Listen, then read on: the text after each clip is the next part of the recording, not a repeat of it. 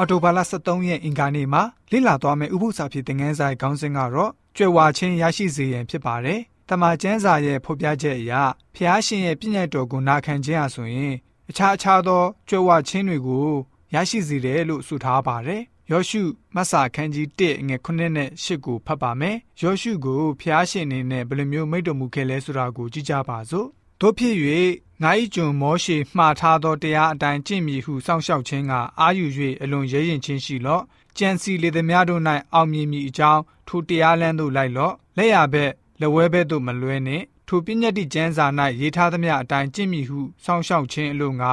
ကျမ်းစာကိုမဖတ်မရွတ်ဘဲမနေနေညမပြတ်ကြည့်ရှုဖတ်ရရမည်တို့ပြုလင်တင်းသည်အကြံထားမြောက်၍အောင်မြင်လိမ့်မည်ဆိုပြီးတော့ဖော်ပြထားပါတယ် ခန္ဓာပြည်တဲကိုဝင်ရောက်သွားတဲ့အခါမှာယောရှုကိုဖျားရှင်မိတ်တော်မူတာကတော့အာယူပြီးတော့ရဲရင်ကြီးရှိပါကြံစီလေသည်မြမှာအောင်ဖို့အဲ့ဒီတရားလမ်းကိုလိုက်ပါလက်ရဘက်လက်ဝဲဘက်ကိုမလွဲနဲ့ဆိုပြီးတော့ဖြစ်ပါတယ်။နားထောင်ခြင်းဟာယနေ့ခေတ်ထိတိုင်အောင်မြင်မှုကိုဖြစ်စေပါတယ်။ယနေ့ခေတ်လူတွေဟာကိုကိုကိုအားကိုးပြီးတော့တီထွင်ကြံစစံသစ်မှုတွေပြုနိုင်မှအောင်မြင်မယ်လို့ယူဆကြပါတယ်။အောင်မြင်မှုတစ်ခုရရှိဖို့အခက်ခဲနဲ့တာမန်ထက်ကျော်လွန်တဲ့အစွမ်းရရှိမယ်လို့ယူဆကြပါတယ်။ဘယ်လိုမျိုးပဲဖြစ်နေပါစေဖျားရှင်ရဲ့ရှိတော်မှာအောင်မြင်မှုလမ်းဟာကွဲပြားတဲ့တတ်မှတ်မှုရှိနေပြန်ပါတယ်ဗျာဒိတ်ကျန်ခန်းကြီး7ငွေ19ဗျာဒိတ်ကျန်ခန်းကြီး14ငွေ7ယောမဩရစာခန်းကြီး1ငွေ9ယောမဩရစာခန်းကြီး16ငွေ26ရှင်ယာကုတ်ဩရစာခန်းကြီး2ငွေ10ကနေ12ကိုဖတ်ပါမယ်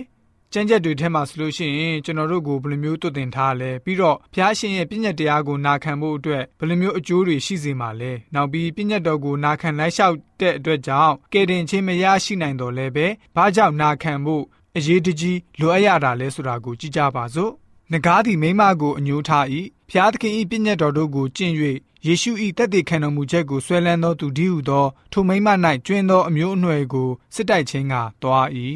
ဖျားသခင်၏ပြည့်ညတ်တို့ကို၎င်းယေရှု၏ယုံကြည်ခြင်းကို၎င်းစောင့်ရှောက်သောတန်ရှင်းသူတို့သည်ဤအရာ၌တိခံစရာအကြောင်းရှိ၏ဖျားသခင်ချစ်တော်မူ၍တန်ရှင်းသူအရာ၌ခံထားသောယောမမြို့သူမြို့သားအပေါင်းတို့ကိုကြားလိုက်ပါ၏လူမျိုးပေါင်းတို့သည်ယုံကြည်နားထောင်ကြမည်အကြောင်းပြောဖက်တို့၏ကျမ်းစာများလာသည်နှင့်အညီထာဝရဘုရား၏ပြည့်ညတ်တော်အတိုင်းထိုသူတို့အားဖော်ပြရသောနည်းနည်းရာကိုဖွင့်ထားခြင်းကျေးဇူးတော်နှင့်လျော်စွာ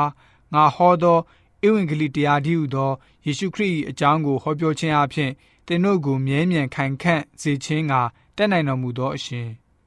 အဘယ်သို့နည်းဟုမူကားပြည့်ညတ်တရားအလုံးစုံကိုစောင့်ရှောက်သည်တွင်တစုံတစ်ခု၌မှားမိလျင်ပြည့်ညတ်တရားအလုံးစုံကိုလွန်ကျူးသောအပြစ်ရှိ၏သူများကိုမပြစ်မှားနှင့်ဟုပြည့်ညတ်တော်မူသောသူကလူအသက်ကိုမတတ်နှင့်ဟုပြည့်ညတ်တော်မူသေး၏တို့ဖြစ်၍သင်သည်သူများကိုမပြစ်မှားဘဲနေတော်လဲ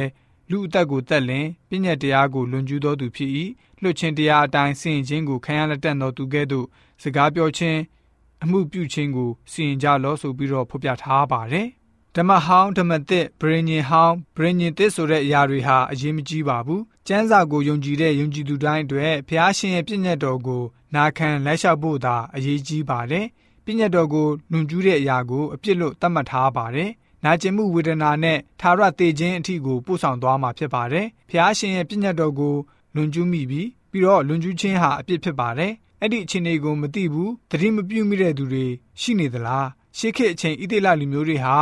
ဖျားရှင်ပြည့်ညတ်တော်ကိုနာခံလိုက်ရှောက်မှသာကြွယ်ဝခြင်းကောင်းကြီးမင်္ဂလာခံစားကြရပါတယ်။ကရုဏာတော်လိုအပ်နေသည့်တိုင်ယနေ့အချိန်ခါမှာလည်းပဲကျွန်တော်တို့နဲ့ကြွားချမှုမရှိပါဘူး။ ခရိယန်ပညာရေးရဲ့အစိတ်အပိုင်းတစ်ရဲ့အနေနဲ့ကျွန်တော်တို့ဟာဖျားရှင်ရဲ့ပြည့်ညတ်တော်ကိုစောင့်ဖို့လိုပါတယ်။အတိပ္ပယ်ကတော့ဖျားရှင်ရဲ့ကရုဏာတော်ကိုယုံကြည်ကိုးစားပြီးတော့အသက်ရှင်တာဖြစ်ပါတယ်။ကျွန်တော်တို့လေ့လာခဲ့ရတဲ့အတိုင်းပဲပြည့်ညတ်တော်ကိုနာခံလက်လျှောက်ခြင်းကတော့ကယ်တင်ခြင်းမရရှိတော်လဲပဲကျွန်တော်တို့အနေနဲ့ဖျားရှင်ကိုချစ်တဲ့အတွက်ကြောင့်မလို့ဖျားရှင်ရဲ့ပြည့်ညတ်တော်တွေကို